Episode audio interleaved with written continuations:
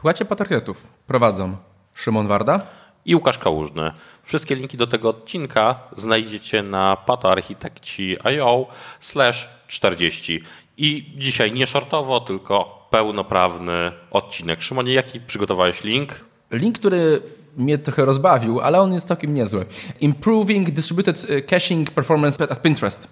I co jest tam ciekawego? Znaczy taki w dużym skrócie, jak będę miał podsumować, to my tu sobie mówimy o wydajności i tak dalej, tak dalej, tak dalej.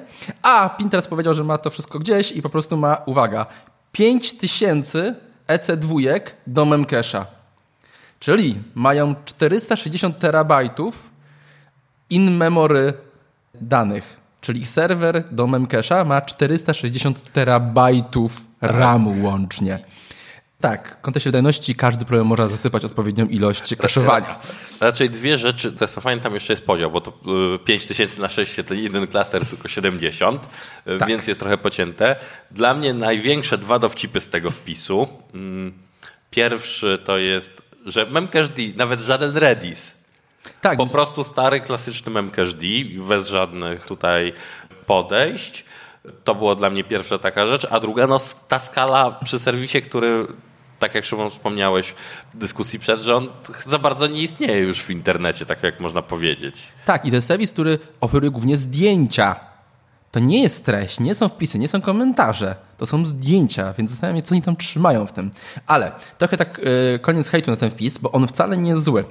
E, jest całkiem ciekawy, ponieważ przechodzi przez Optimal Distributed Caching, przez od, jakie, jakie maszyny wybierają, które serwery są czym obciążone, czy są obciążone bardziej właśnie IO, czy są obciążone bardziej CPU, czy są obciążone bardziej RAM-em. Więc wpis jest naprawdę godny, godny uwagi. Jest dość długi, no ale tak, można się tego ponabijać właśnie, że zasypali problemy wydajnościowe, głównie właśnie korzystając z memcache'a.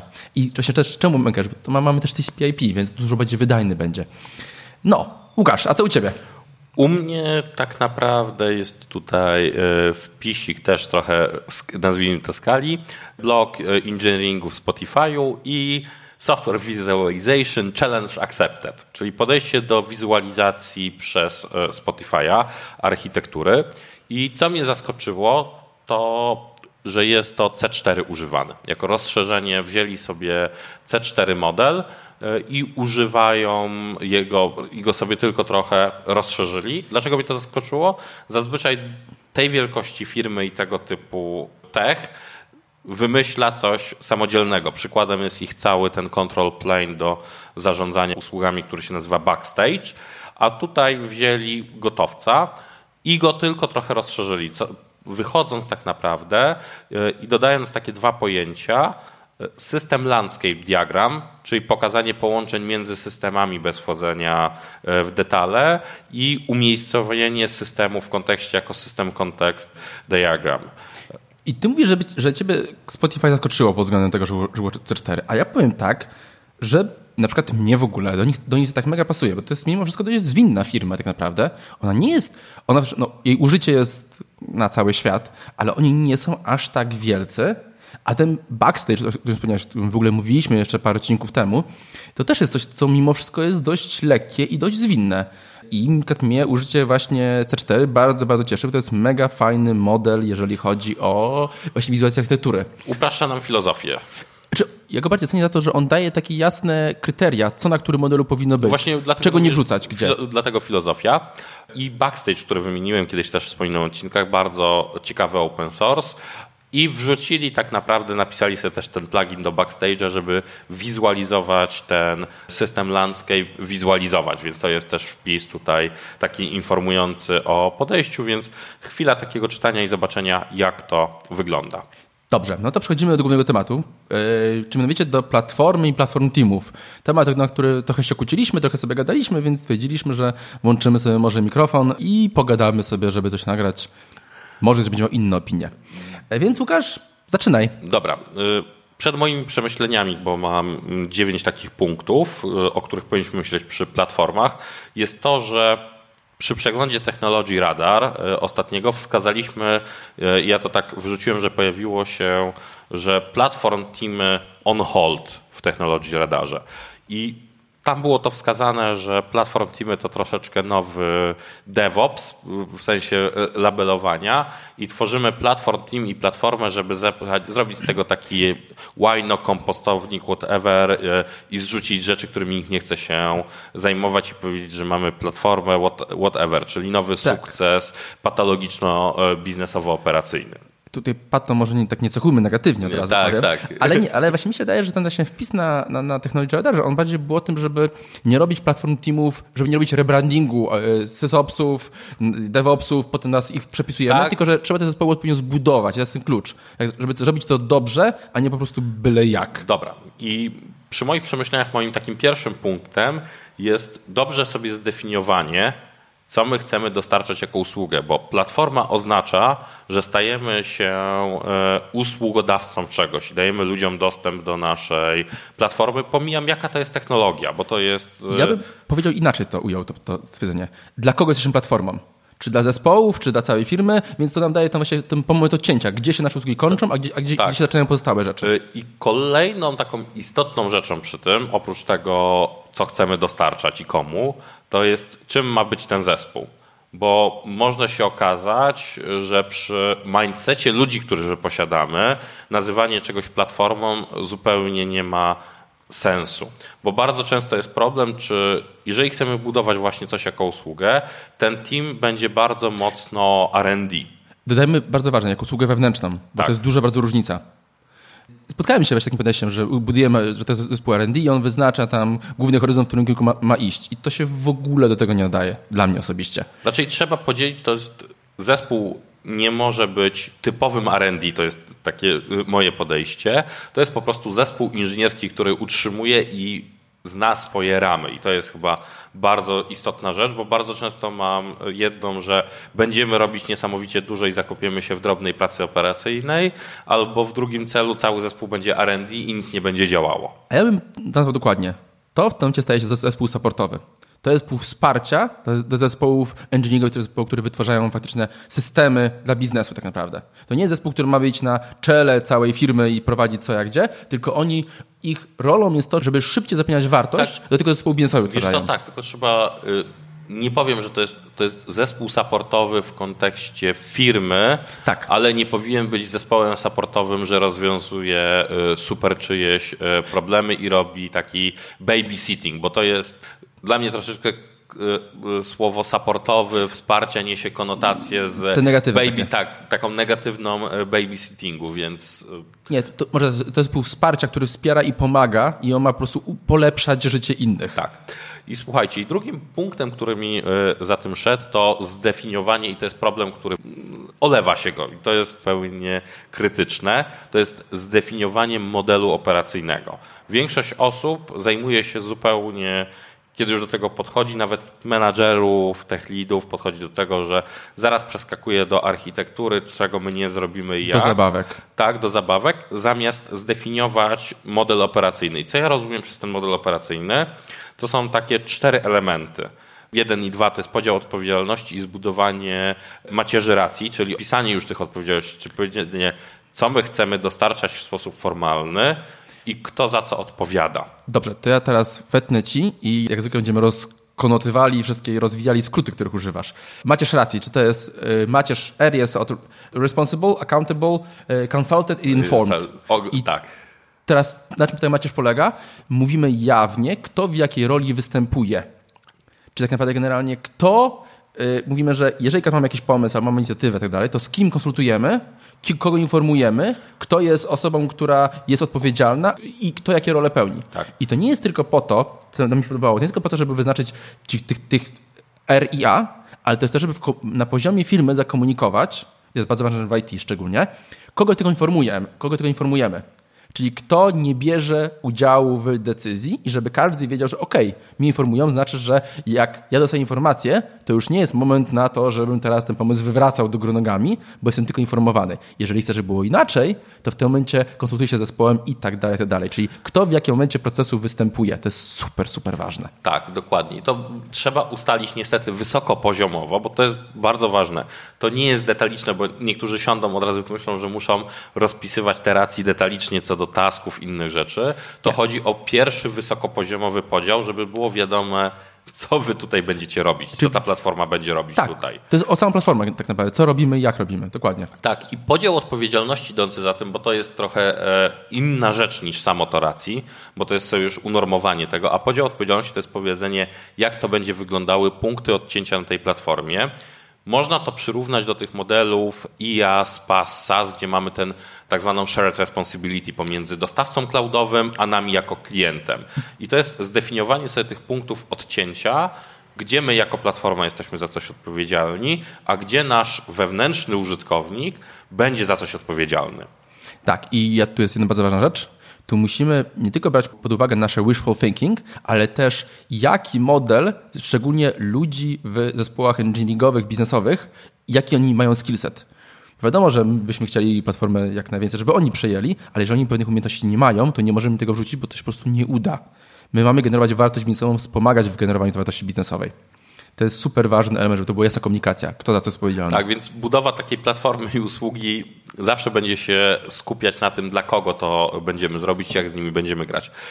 Kolejnym takim rzeczą, która jest niewidoczna przez osoby techniczne często, e, przy wykorzystaniu teraz clouda trochę bardziej czy e, się pokazało, to jest model finansowy wewnątrz. Jak to do diaska będzie finansowane?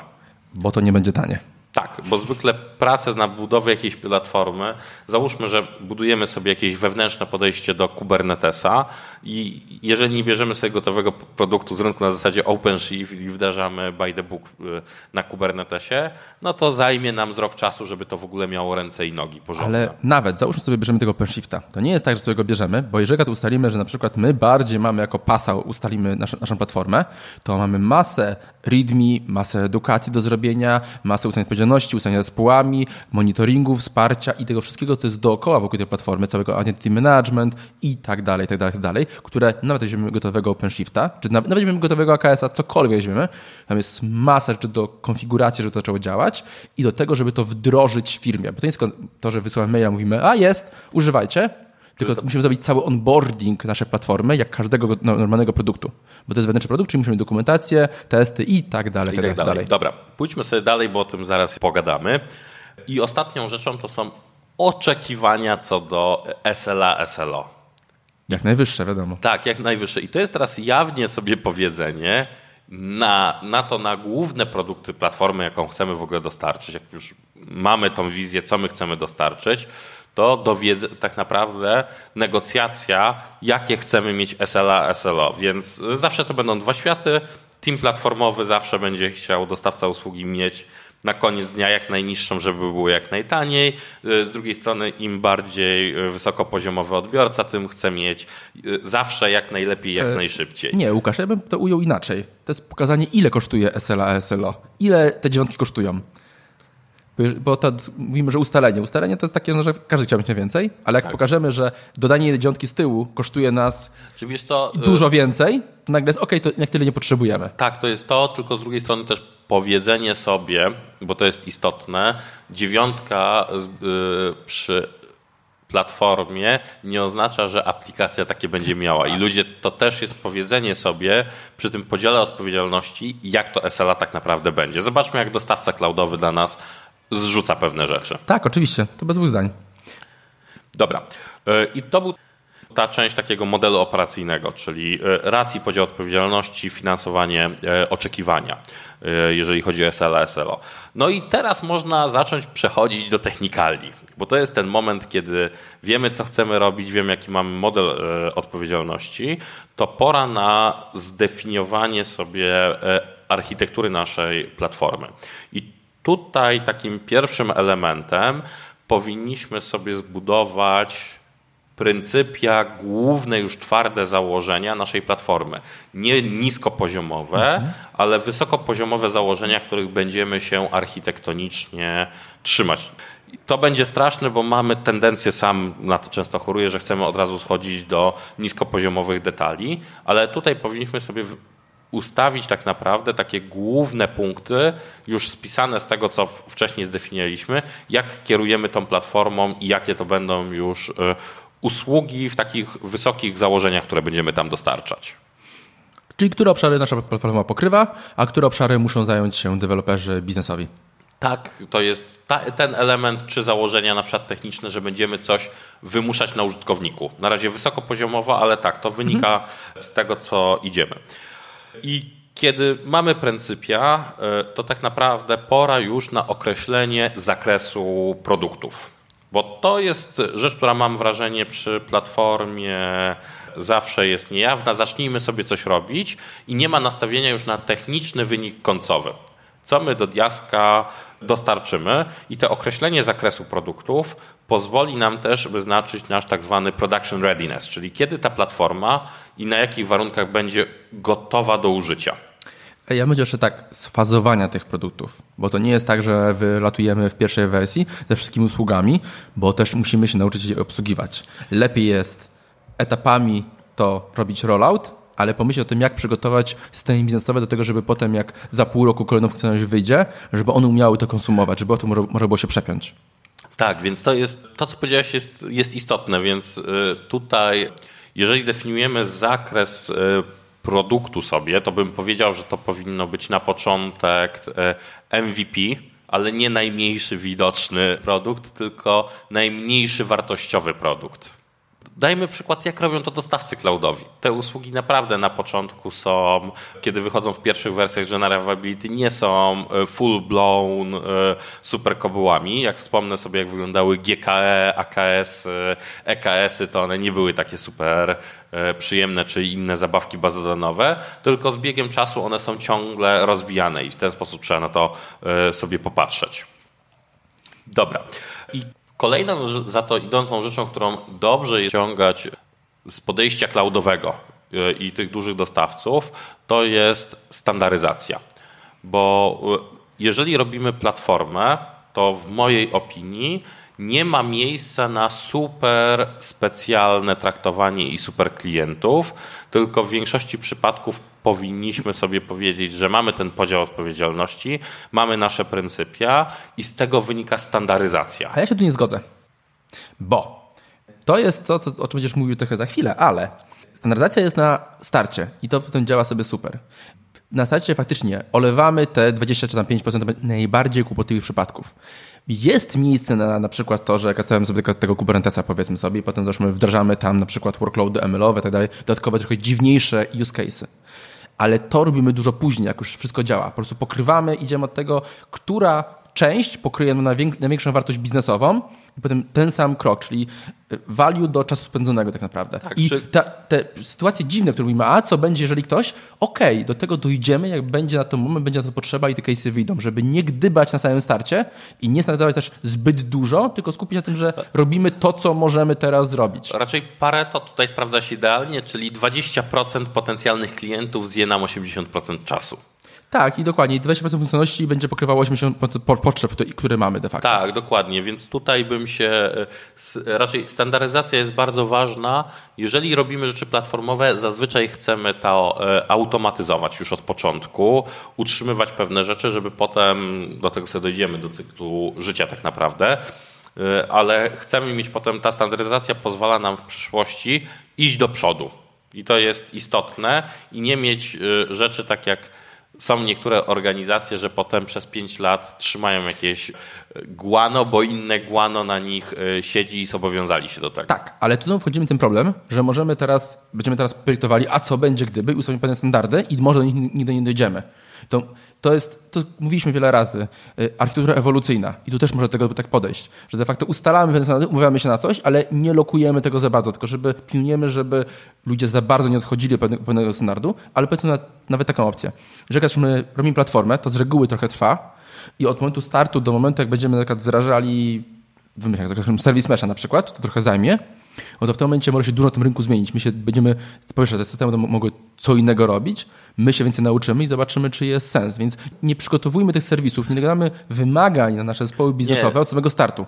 Tak, to tak, tylko chodzi o to, że musi być ta wysokopoziomowa standaryzacja y, i jeżeli to nie jest wartościowe dla szerszego grona, to nie powinniśmy, na, w szczególności na początku wytwarzania, nie powinniśmy skupiać się na takich scenariuszach. Pokrywamy przy określaniu właśnie sobie całe i definiowaniu tego, określamy sobie tak naprawdę co będzie używane szeroko. Szukamy elementów do impaktu i szerokiego użycia, a nie żeby spełnić zachcianki jednego teamu na przykład. Podoba mi się to, co powiedziałeś, że szukamy, bo na przykład jak do tego ja czasami podchodzę, to jest to, że po prostu onboarduję kolejne teamy, kolejne produkty i potem też szukam kolejnego obszaru, który możemy zestandaryzować. Po patrzę, na przykład no okej, okay, to idzie jako, druga jako jeden z pierwszych, ale załóżmy, załóżmy formatu logowania, czy na przykład załóżmy identity, jak są używane, po prostu jaki jest standard wśród zespołów, potem może, może być inny niż standard rynkowy i po prostu to standaryzujemy, żeby wszyscy korzystali już z tego samego, bo z tego korzysta cała firma, albo dajemy dyskusję, że okay, korzystamy z tego, ale chcemy przemigrować na inny system, i w tym momencie jawnie też z synchronizacją z zespołami biznesowymi migrujemy się na nowy system, żeby oni w to wchodzili. Dobra. Kolejnym punktem jest samo delivery platformy. E, tutaj nie chciałbym poświęcać dużo czasu, bo to jest po prostu e, czysta praca inżynierska. Jedyną rzeczą, którą mocno bym sugerował, to mieć od początku mm, de facto użytkowników, którzy nam sprawdzą, będą kontrybuować i będą dawali feedback. Czyli w tym momencie developmentu powinniśmy troszeczkę podchodzić, y, tak jak y, gdzieś tam wspominaliśmy y, parę odcinków wcześniej, to było chyba w Airbnb, że trzeba często wydawać i pokazywać.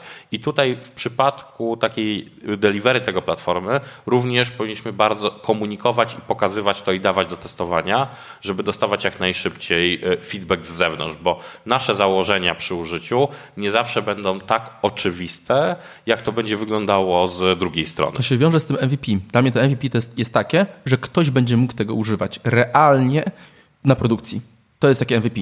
Bo póki nie będą mogli używać na, na produkcji realnie, to nie będziemy mieli tego wkładu, który będzie faktycznie taki, że nie będzie na zasadzie fajnie byłoby gdyby, a nie potrzebujemy tego i tego. Tak, Są i dwa to... zupełnie inne słowa i co innego oznaczają. Tak, zupełnie powinien iść już development jakoś jakiejś pierwszej usługi, która trafi na produkcję, bądź może zostać użyta jako jakiś shadowing, czy inne miejsce, czy mało krytyczna rzecz, żeby została odpalona. Tak. My musimy podejść z takim podejściem tak zwany hypercare do takiego klienta, który chce na naszym developmencie robić coś produkcyjnie ale w ramach tej założonej troszeczkę standaryzacji na tym uczyć się i stabilizować na takich rzeczach. Ja się cofnę do tego, co powiedziałem. Nie musi być produkcyjnie. możemy naszą platformę dać do hostowania wewnętrznych środowisk, dev test i po prostu tak. po kolei środowiska onboardować na naszą platformę. Nie musi być produkcyjne.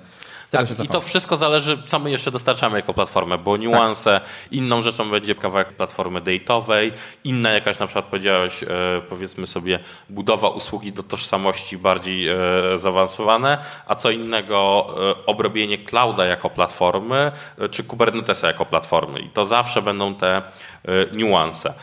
I potem jest ta rzecz, którą idzie tak naprawdę sobie produkcyjny mm, go live już faktycznie wykorzystania.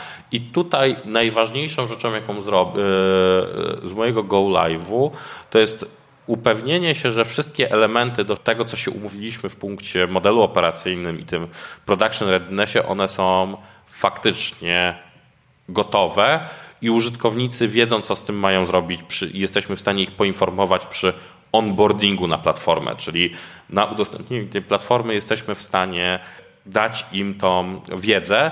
Ja teraz nie mówię tutaj w ogóle o dokumentacji, przykładach i szkoleniach, bo mam na to troszeczkę oddzielny punkt, który jest bardzo nieoczywisty przy e, usługach wewnętrznych. To Szymon, Wiem, coś, do go, coś do Go Live'a jeszcze dodasz? Nie, wydaje mi się, że temat wyczerpałeś tutaj. Dobra. I marketing. I to jest rzecz moim zdaniem najbardziej zaniedbana, jak może być przy tym, jak robimy platformy. Zgodzę się z jednym wielkim ale. To się bardzo mocno zmienia. Kiedyś to było w ogóle ignorowane i to nie istniało, ale teraz jest coraz widoczniejsza i świadoma potrzeba, żeby ten marketing wewnętrzny był. I to mnie cieszy bardzo. Tak. I słuchajcie, i co jest przez, ja rozumiem przez marketing wewnętrzny, to będą, będzie kilka takich, trzy takie duże elementy. Pierwsze to jest w ogóle dokumentacja naszej platformy i słuchajcie, nie powinniśmy pisać tej dokumentacji jako kolejne epopeje czy cokolwiek. Róbmy to tak naprawdę na pytaniach użytkowników, tych pierwszych użytkowników, zamiast odpowiadać mu mailowo czy cokolwiek. Spisz tak naprawdę faku, czyli każde pytanie klienta to jest kolejny po prostu odpowiedź na to, jak coś zrobić na platformie. I tym powinna być dokumentacja oprócz tych zasad, odpowiedzialności, etc. E, coś Szymon chcesz dodać? Ja się tak uśmiecham trochę i tego tak, tak mnie wywołał, bo to nie jest, Łukasz, to nie jest marketing, to, o czym mówisz. Tak, to ale jest wiesz co? uproduktowienie de facto i potem, ponieważ budujemy z platformy produkt i potem z tego, ponieważ to jest produkt, do tego robimy marketing, bo dokumentacja, potem już mówimy o przykładach i tak dalej, to jest to, że traktujemy platformę tak, jako że to jest tak, produkt że jest, Tak, realny. jest jako produkt, ale ja go wrzucam specjalnie do marketingu, żeby odnieść świadomość, bo tak fajnie to, co mówisz, ale z mojej perspektywy jest to, że powinniśmy patrzeć na to też jakościowo jako element marketingowy. Y, Ja się zgodzę z pewnością, tylko teraz jak, jak pomyślimy o platformie jako produkcie, to nagle wchodzą takie rzeczy jak definition of done, Done, tak. y, SLO, SLA, czyli rzeczy, które wymagamy od naszych systemów, które są user-facing dla użytkownika zewnętrznego, też się przenoszą jak najbardziej do tego, co istnieje w Tak. wewnętrznego. Więc dla mnie to jest Pierw robimy z tego produkt, potem wokół tego produktu, jak wokół każdego innego produktu, robimy marketing wewnętrzny, w sensie wychodzimy do innych stakeholderów, do innych zespołów i mówimy, ej, korzystajcie. Dobra, więc tak, to jest jedna rzecz, to jest e, właśnie ta dokumentacja i to jest na bazie faku e, i idąc dalej z dokumentacji powinny być przykłady użycia, czyli jakieś nazwijmy to referencyjne kawałki architektury i proste how-to guidy, które kierują użytkownika technicznego, jak z tego ma skorzystać. To są dwie rzeczy i teraz możemy mieć teraz e, wyższość świąt Bożego Narodzenia nad wielkanocnymi, w którym miejscu to wrzucić. Ja to tak świadomie po prostu przesuwam w kierunku, że to jest taki element marketingowy. Ja to mam jedną wrzutkę, bo buduję platformę, mam nadzieję wielką, na bazie istniejących systemów tak naprawdę. I tu w kontekście dokumentacji często nam wchodzi, ja widzę taki ruch właśnie, żeby opisywać, jak to wygląda, a nie to. De facto ta dokumentacja powinna być na dwie, części. Jak jest API, możliwości systemu pod spodem. Na przykład też my, znowu, najprostsze, często tą platformą właśnie będzie też coś na, coś na bazie Kubernetesa. Właśnie, że dajemy szkolenia, dajemy linki do Kubernetesa, jak działa. Nie będziemy kubectl tłumaczyć, nie będziemy pisali readme odnośnie e, kubectl, to nie ma po prostu sensu. A potem standaryzujemy i opisujemy, jak my, jakie mamy limitacje, jak my go wykorzystujemy, jakie są standardy, standardy itd. itd. Właśnie, Kluczem tego, co mówię, jest to, że możemy spokojnie wspierać się zewnętrznymi dokumentacjami. Na starcie, to dla mnie nawet to może być po prostu lista linków i kilka zdań odnośnie tego generalnie, jak co korzystane jest i to jest tyle. To jest start, to nie jest oczywiście koniec naszej tak, dokumentacji. Więc to jest właśnie, tak jak powiedziałem, trochę faku odpowiedzi, jak co i dobra ta wrzutka z promowa z wykorzystaniem zewnętrznych materiałów. W sumie tak robię, ale nie pomyślałem, żeby tu dodać. I przy marketingu jest teraz bardzo ważna rzecz, promowanie wśród użytkowników, ale też wśród managementu. I słuchajcie, to jest taki żywy przykład, dlaczego ja tutaj tak jawnie będę podkreślał ten management i użytkowników. Mieliśmy taką akcję, gdzie techniczny właśnie leadership w jednej organizacji się zebrał, bo była odpalana nowa platforma, podzielenie się doświadczeniami i cokolwiek, i też były takie bloki dyskusyjne dla odbiorców. W pewnym momencie wylało się wiadro pomyj, że czegoś nie ma na platformie, a było obiecywane. I co się okazuje? Bardzo fajnie, bo ktoś z menadżerów był świadomy, że osoba, która wylewa ta wiadro pomyj, konfabuluje. Ja dodam inny powód, czemu marketing jest, tak, czemu marketing jest taki ważny. Najgorszą sytuacją, jak, do, jakiej, do jakiej możemy dopuścić, jest taka, że powstanie wiele platform. I ja widziałem takie sytuacje właśnie, że nagle mamy wiele systemów, które robią w miarę to samo. Tylko dlatego, że ktoś stwierdził, OK, ta platforma nie, nie nadaje się. Więc zrobimy to po swojemu. Zrobili po swojemu, dokładnie, albo nie wiedział, że coś w ogóle istnieje i zrobili po swojemu. I Łukasz, na pewno widziałeś, że nagle ma, mamy w jakichś korporacjach z reguły kilka systemów, które robią dokładnie to samo. No wiesz co, widziałem, to było piękne. I de facto jak sługa, słuchałem, bo miałem taki jeden obszar w karierze, jak oglądałem właśnie w dużej globalnej korporacji, gdzie dowiedziałem się, że jest 7 czy 8 systemów na to samo rozrzuconych po rynkach geograficznych takich dużych. I na koniec dnia mają dokładnie te same wymagania, tylko trzeba było skimę kolorków inną narzucić i inny układ frontendu, bo robią to samo, a opowiadają, że my mamy zupełnie inne wymagania. No, tylko wiesz co, tego w pewnej skali organizacji Wiadomo, nietechnologicznych, nie, w szczególności nietechnologicznych nie unikniesz. Tak, no ale możesz limitować, czy tych systemów będzie 8, czy będzie ich 3. Tak, dokładnie. Więc tutaj promowanie. Jeszcze co do promowania, istotną rzeczą są robienie jakichś cyklicznych przy marketingu i to jest troszeczkę też przy cyklu życia. pisanie release notes do managementu użytkowników tego, żeby wiedzieli, jakie są funkcjonalności, co planujecie, co się zmieniło, czyli informowanie. I drugi element szkoleniowy tak naprawdę pod tytułem zróbcie cyklicznie proste szkolenia z takich podstaw, krótkie, żeby użytkownik mógł wejść, zobaczyć. I jedna rzecz jeszcze, przy tej części szkoleniowej takiej przykładowej marketingu, powinny być na tej platformie jakieś sandboxy, które są łatwo dostępne dla użytkownika. A ty dam jeszcze jedną rzecz, którą widziałem wiele lat temu w jednej firmie. Wypuszczając nowy produkt wewnętrzny, była tworzona łącznie e, przy każdym w ogóle release, bo nowa ulotka właśnie co było i to było wszystko, właśnie o czym powiedziałeś, zebrane w ładny, ułożony graficzny, w graficzną prezentację, tam na 5 do 10 stron tak naprawdę. I to był tak fenomenalny selling point, bo z punktu widzenia dostawcy to jest jeszcze o tyle fajne, że my jako dostawca reklamujemy się w skali firmy, co zostało dostarczone, co się działo i co, jaka wartość została wytworzona za te faktury, które są potem wystawiane. Więc to nie jest tylko ważne w kontekście produktu, ale też w kontekście właśnie roli, w jakiej występujemy. Że to musi, że musi być ta wartość i to musi być ładnie. To się mówisz o mailu. Mail jest fajny. Zrobiona łatwa prezentacja na pięć stron, taka do managementu, jest dużo lepsza. Tak, jest dużo lepsza. Wszystko zależy od tego, no, jakie podejście mamy możliwości, więc tutaj mówię bardziej o minimalnym czymś wartościowym, więc nawet taki release note napisany językiem managementu jest bardzo dobrą rzeczą. Y, tak, ale wartość niewiele większa daje dużo większy zysk tak naprawdę, zgadzam się. Kolejny punkt, jeżeli chodzi o support, bo to jest też tak. ciekawy obszar. Yy, I wiesz co, i to jest rzecz, ja powiem tak, trzeba się zastanowić na temat ścieżki supportowej i jak to będziemy robili. I jedna rzecz, to wyjdzie nam dopiero po Go Live. A ja mam nadzieję, że o czym innym powiesz, jak mówisz o saporcie. Bo dla mnie, okej, okay, musimy ustalić i tak dalej, mm. ale coś, co wychodzi bardzo w yy, zakresie odpowiedzialności. Komunikując, że mamy platformę, musimy jasno określić, kto za który obszar supportu odpowiada. To nie jest tak, że ktoś nam wrzuci system i okej, okay, to teraz ja idę sobie na urlop, zespołu biznesowego nie ma, a wy to utrzymujecie 24-7. Tak. tak nie działa. Mówimy, że my utrzymujemy platformę, ale wy macie to monitorować, my dajemy narzędzia. Ale gdzie możesz wasza... alerty tak. i tak dalej, ale wy to się. To jest bardzo, bardzo ważne. W sensie tworzymy, bo my w tym momencie wchodzimy w tą drabinkę, drabinkę e, supportu, tych wszystkie warstwy, jakie występują i to jest super ważne, żeby też mieć narzędzia wewnętrzne, które pokażą, kto gdzie, na którym punkcie tej drabinki wystąpił błąd. Jeżeli błąd był typowo biznesowy, to to leci do zespołu. Jeżeli błąd był błąd połączenia z bazą relacyjną jakąkolwiek, to to leci do nas, bo to jest pewnie coś sieciowego. Więc o tym trzeba bardzo mocno pomyśleć, bo im więcej zonboardujemy ludzi i e, zespołów wewnętrznych e, na naszą platformę, tym będzie nam bardziej rósł ten overhead utrzymania i może skończyć się na tym, że tak naprawdę my nie będziemy mogli żadnego R&D robić, bo, bo będziemy, będziemy w saporcie. Tak. E, I istotna rzecz, każdy z teamu platformowego, nawet jeżeli główną jego rolą jest co innego, powinien troszeczkę w miesiącu, jeden dzień w miesiącu albo dwa dni w miesiącu przynajmniej posaportować swoje rozwiązanie.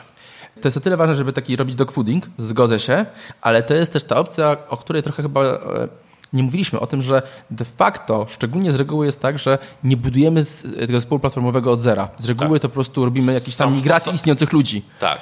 I to jest ogromny zestaw umiejętności, które, te ludzi, którzy ci ludzie muszą nabyć tak naprawdę. Więc to jest też ta, ta, ta droga wewnętrzna zespołu. Jak oni idą, co ich edukujemy, jaki zestaw umiejętności wymagamy i to też jest trudne w budowaniu tych zespołów.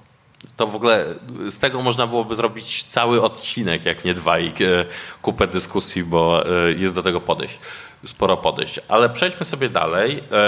No i mamy, żyjemy. No i teraz są nowe feature'y i kierunki rozwoju. I tutaj to, co powiem, tak jak wcześniej mówiliśmy, raczej nie mówiliśmy o żadnym produkt managemencie i innych takich rzeczach. O produkcie ja mówiłem. Tak, o produkcie, ale o produkt managemencie. W sensie tutaj takie podejścia już biznesowe do podejścia do produkt managementu y, zaczynają przynosić wartość w tym momencie, kiedy już jesteśmy na produkcji i planujemy, co będzie dalej. Bardzo mocną rzeczą jest słuchanie wtedy feedbacku użytkowników i ciągłe te szukanie tych elementów, które są szeroko wymieniane. Ale to znowu wracamy do tego, że traktujemy platformę jako normalny produkt tak naprawdę. Czyli mamy, szukamy feature'ów, mamy product discovery, naszą roadmapę komunikujemy. Czyli jeżeli, znaczy to jest, to jest produkt po prostu, jak każdy, każdy inny, tak. tylko że klientem jest klient wewnętrzny, więc nawet bardziej ryzykowny klient tak naprawdę niż zewnętrzny. No jest pewnej perspektywy wewnętrznie może być jeszcze w szczególności dla utrzymujących może być, y, nie bójmy się tego określenia, upierdliwy. E, tak, on często będzie limitujący. Szczególnie, że budują jakąkolwiek platformę w dużych korporacjach, to z reguły ten produkt wewnętrzny, nasza platforma, nie będzie zawierany nowszych super technologii, no bo technologia idzie szybko tak do przodu. Tak. Więc też trzeba uświadomić co, jak i czemu. I też właśnie wracamy do tej, standardyzacji, o której mówiłeś. Jeżeli będziemy mieli dobrze ustawione interfejsy i do, dobrze zbiór odpowiedzialności, za co my bierzemy odpowiedzialność, a za co odpowiadają już systemy, to będziemy mogli nawet upgrade'ować kolejne rzeczy i kolejne rozwiązania i ta platforma nie zrobi się stale, czy nie, nie zrobi się przestarzała tak naprawdę. To jest super ważne, żeby to ustalić tak naprawdę. Tak, i troszeczkę mi płynnie wszedłeś w cykl życia. Taki był mój cel. E, tak, czyli i słuchajcie, cykl życia jest rzeczą, o której nie myślimy, ale właśnie trzeba pomyśleć. I to jest taki element w całym tym, o którym trzeba cały czas myśleć e, i nawet troszeczkę na początku. Jaki zakładamy cykl życia na zasadzie aktualizacji, upgrade'ów, ale również wygaszania. I powiedzenie sobie, e, powinniśmy mieć w tych SLA, SLO i oczekiwaniach ogólnie stawioną sobie furtkę na możliwość również wygaszania. To jest ciekawe, bo z reguły będzie bardzo ciężko wygasić rzeczy platformowe, bo to będzie wymagało tak naprawdę współpracy od zespołów biznesowych, często do systemów, które już nie są utrzymywane albo nie mają, nie mają aktualnego rozwoju albo przypisanego zespołu biznesowego. E, więc odnośnie wygaszania ja bym bardziej przechodził w taką opcję tak naprawdę, że bo wygaszenie nie zawsze się udaje, opcji migracji, że na kolejna platforma będzie wyglądała tak i tak, ale musimy tą starszą zostawić, w jakiejś wersji, żeby była utrzymywana, będzie miała jakieś gorsze SLA, SLO, albo będzie miała gorsze wsparcie, mniej tam będzie ludzi pracowało, e, ale w sensie właśnie to przechodzenie z kolejnej wersji na kolejną wersję, wygaszenie fajnie byłoby, nie zawsze się udaje. E, tak, ale wiesz, to jest pomyślenie, dlatego ja mówię, że próba e, robienia najczarniejszego scenariusza z perspektywy użytkownika może być dla nas w pewnych miejscach ratunkiem. No i to jest w zależności, co my do diaska będziemy tam świadczyć, bo to jest, jest bardzo duża masa rzeczy i często okazuje się, że pewne funkcjonalności wszystko fajnie, dużo osób na początku korzystało i po trzech latach zostanie nam ten jeden klient, który nam ciąży i trzymamy dla niego kawałek.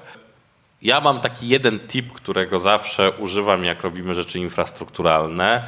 Nazywa się security.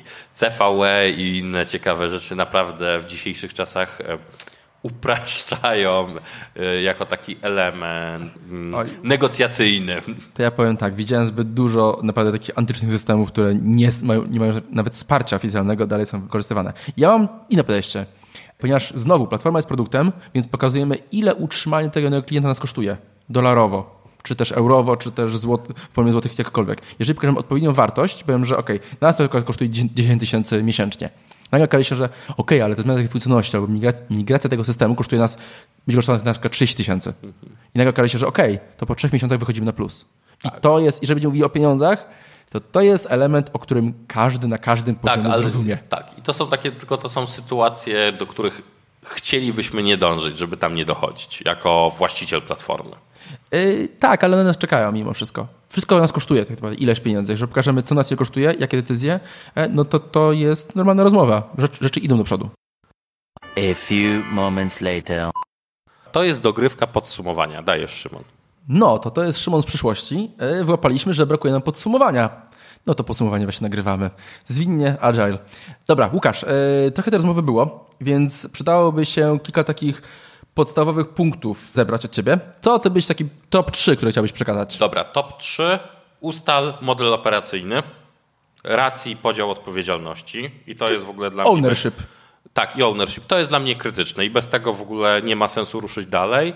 I druga rzecz, zadbaj sobie o production readiness, żeby wiedzieć, co to jest production readiness i o to, co nazywaliśmy marketingiem platformy. Dobrze. To ode mnie. Platforma jest produktem. To jest super, super ważne. Musi mieć product ownera, musi mieć biznes ownera, musimy pokazać jej wartość, co robimy, jak robimy, co wygaszamy, jaka jest nasza roadmapa, co będziemy robili. Zgodzę się z tym, marketing wewnętrzny jak najbardziej też. To jest punkt pierwszy. Jeżeli chodzi o drugi punkt, ode mnie taki ważny, to jest powiedzenie tego tego MVP, czyli co wspieramy teraz, co wspieramy później. Nie napalamy się, nie budujmy opus magnum na samym starcie, bo to jest tam dużo fajnej zabawy, więc możemy, moglibyśmy. Tylko po prostu minimalny, ktoś używa, lecimy dalej. I ładnymi etapami możemy to wdrażać, przemyślmy, nie, robimy, nie róbmy opus magnum, nie róbmy przekombinowania na samym starcie. Ktoś musi tego używać. I trzecie, jeżeli ja miałem powiedzieć, pamiętajmy właśnie o, tak już mówiłeś o tym właśnie, o Pareto, czyli że naprawdę większość klientów ma dużo, wewnętrznych ma dużo mniejsze potrzeby i będzie z czegoś dużo mniejszego zadowoleni i będzie na nich użyteczne niż nam się wydaje. Więc ponownie jeszcze podkreślę to, niech ktoś tego zacznie używać. Bez tego nie uda się. I tyle tak naprawdę. Na razie. Hej.